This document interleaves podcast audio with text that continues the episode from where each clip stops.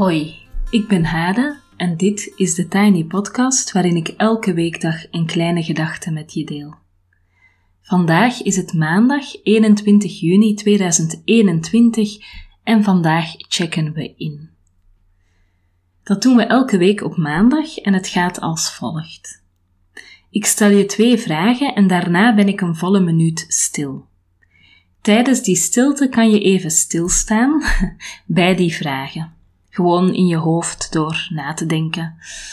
Um, je kan de podcast ook op pauze zetten uh, en als schrijvend inchecken, want als je wil journalen, dan is één minuut natuurlijk heel kort. Of je kan ook inchecken met een vriend, een vriendin, een partner, misschien je kind, uh, weet ik veel wie, aan de hand van de vragen. Na de stilte minuut, dan check ik zelf ook even in bij jullie aan de hand van de vragen die ik heb gegeven. Daar gaan we. Um, voor, deze, voor ik de vragen ga geven, moet ik eerst een beetje uitleg geven. Um, ik heb het voorbije jaar een cursus gegeven, de Vrijdagvrouwen. En dat was een cursus voor vrouwen met een plan. Dat was eigenlijk een heel mooi groepje uh, vrouwen die elke week, tien weken lang, samenkwamen over, ja, omtrent eigenlijk interne en externe elementen waar we ons klein door laten houden.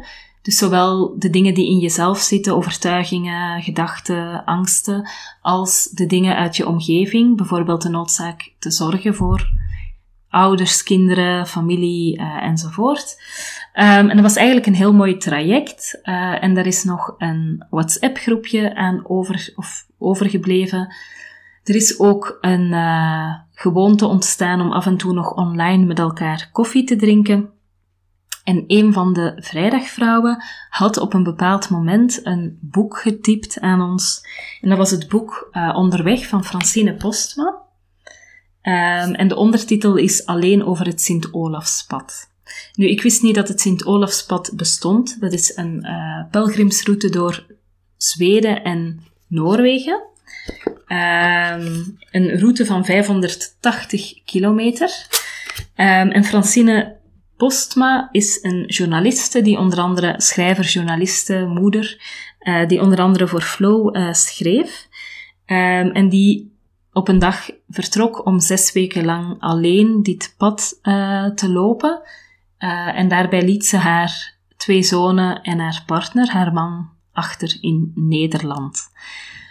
wat natuurlijk haar ene zoon, denk ik, was zeven en haar andere elf. Dus het is best een pittige keuze om te maken. En um, veel mensen hebben daar ook een oordeel of een gedachte over dat een moeder een langere tijd uh, weggaat, um, niet bij haar gezin is, niet die zorgende taken opneemt en iets voor zichzelf gaat doen.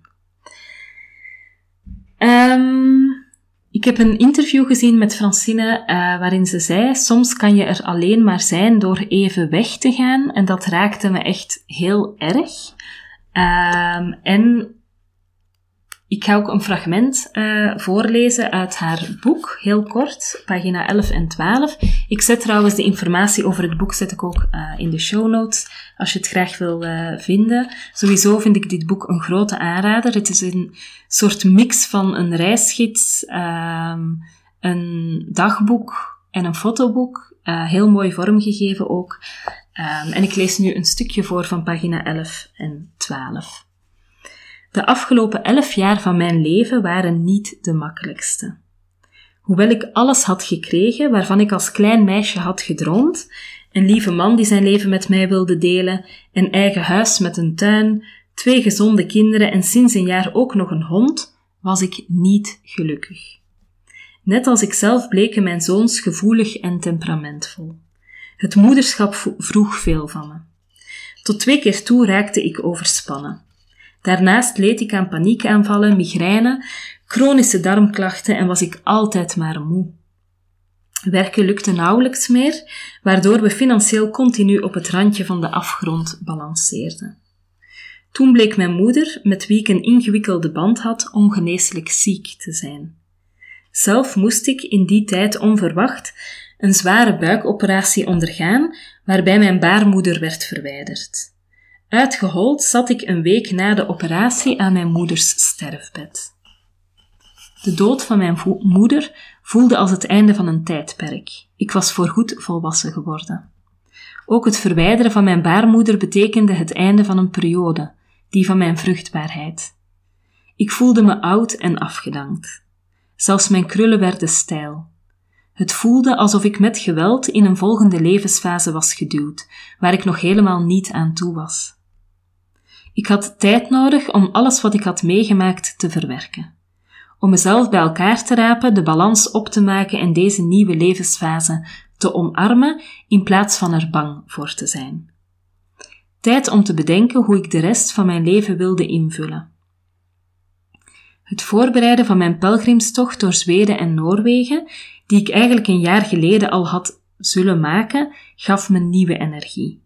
Het idee dat ik even weg mocht van alle verplichtingen die het moederschap met zich meebrengt en nieuwe dingen zou gaan ontdekken, vond ik heerlijk. Tot daar het fragment. Um, ja, Francine beschrijft eigenlijk in haar boek hoe ze zichzelf kwijt is geraakt, ook haar dromen, haar verlangens, um, zo het beeld van hoe het zou zijn om een gezin te hebben, volwassen te zijn, moeder te zijn dat ze dat allemaal is kwijtgeraakt. Uh, dus mijn vragen voor vandaag zijn: waar ben jij jezelf in kwijtgeraakt? De voorbije periode misschien of langer? En Francine gaat zes weken alleen wandelen. Dat is natuurlijk best indrukwekkend. Dus mijn vraag aan jou is ook: wat is jouw wildste plan om jezelf terug te vinden? Je hoeft het niet uit te voeren, maar gewoon van uh, wat is jouw wildste plan. Voilà, ik ga nu een volledige minuut stil zijn um, en dan ga ik binnen een minuutje ook zelf inchecken.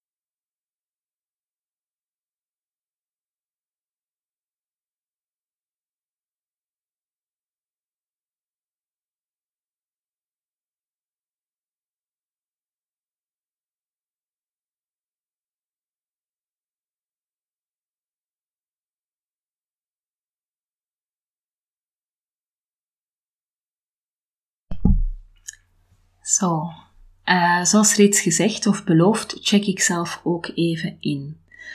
Waar ben ik mezelf in kwijtgeraakt en mijn wildste plan om mezelf terug te vinden?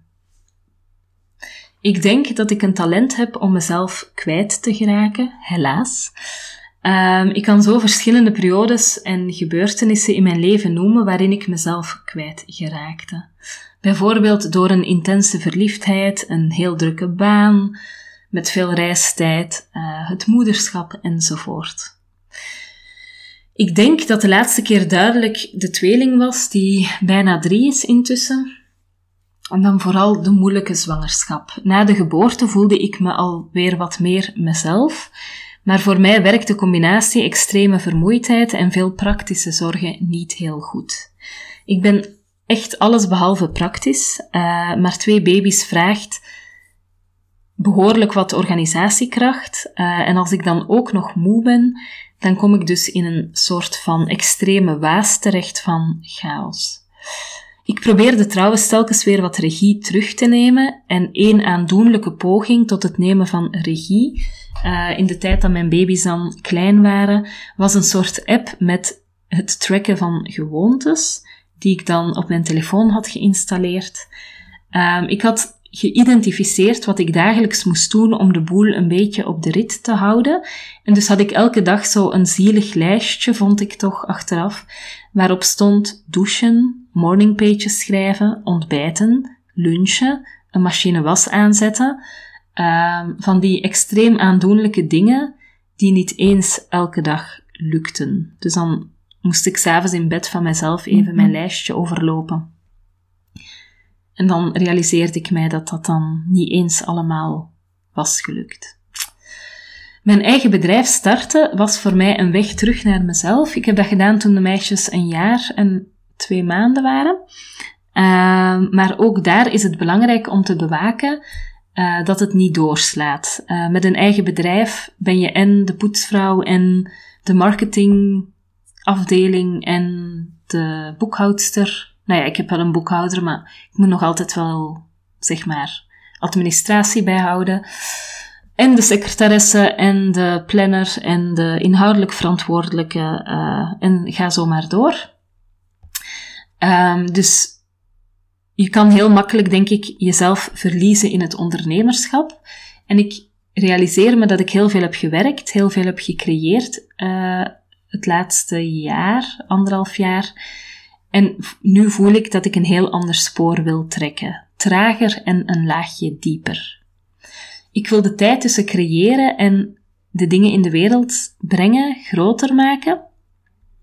Ik wil tijd nemen om mezelf te voeden als een soort basis van mijn bedrijf. Dus nam ik een week geleden, en daar vertelde ik dinsdag over in de podcast, uh, het besluit om deze zomer geen nieuw aanbod uh, te hebben, maar eigenlijk te gaan opruimen, organiseren en in de diepte en in rust eigenlijk aan een paar nieuwe dingen te werken. Um, en voor mij is dat best een wild plan. Uh, ik heb dus mijn zomeraanbod opgeschort. Uh, ik gebruik de zomer om op te ruimen, in de diepte te werken aan enkele projecten voor het najaar. Projecten die belangrijk zijn voor mij. Om ook aan de podcast te werken, me te voeden en te leren suppen. Uh, en het is best spannend om mijn standaard gedrag, namelijk heel hard werken en stevig doorgaan, om dat af te remmen en te kiezen voor iets wat voor mij goed en voedend zou kunnen zijn. Uiteraard heb ik daarnaast, als het over wilde plannen gaat, het klinkt niet heel wild om een zomer een beetje af te remmen, maar ik heb natuurlijk ook van die verlangens zoals pelgrimstochten en ergens ook het kopen van een tiny house ergens in een bos, uh, waar ik dan zelf graag tijd zou doorbrengen en wat ik ook heel graag zou willen verhuren aan vrouwen die even weg willen van hun gezin, hun werk enzovoort. Uh, dus dat soort wilde plannetjes heb ik ook. Uh, als iemand trouwens weet hoe ik aan dat laatste zou kunnen beginnen, het vinden van een tiny house of van een plek waar ik een tiny house zou kunnen zetten. Niet dat daar op dit moment financiële ruimte voor is, maar het begint denk ik wel met een plaats, een plek. En dan kan ik gaan kijken hoe ik dat zou kunnen realiseren. Als iemand daar tips over heeft, dan hoor ik het heel graag. Dat zijn denk ik mijn wildere plannen, uh, alleen lijken die nog een beetje meer op afstand. En bijvoorbeeld, ik zou dolgraag, als ik dat boek over uh, het Sint-Olafspad lees, zou ik dolgraag zes weken gaan wandelen.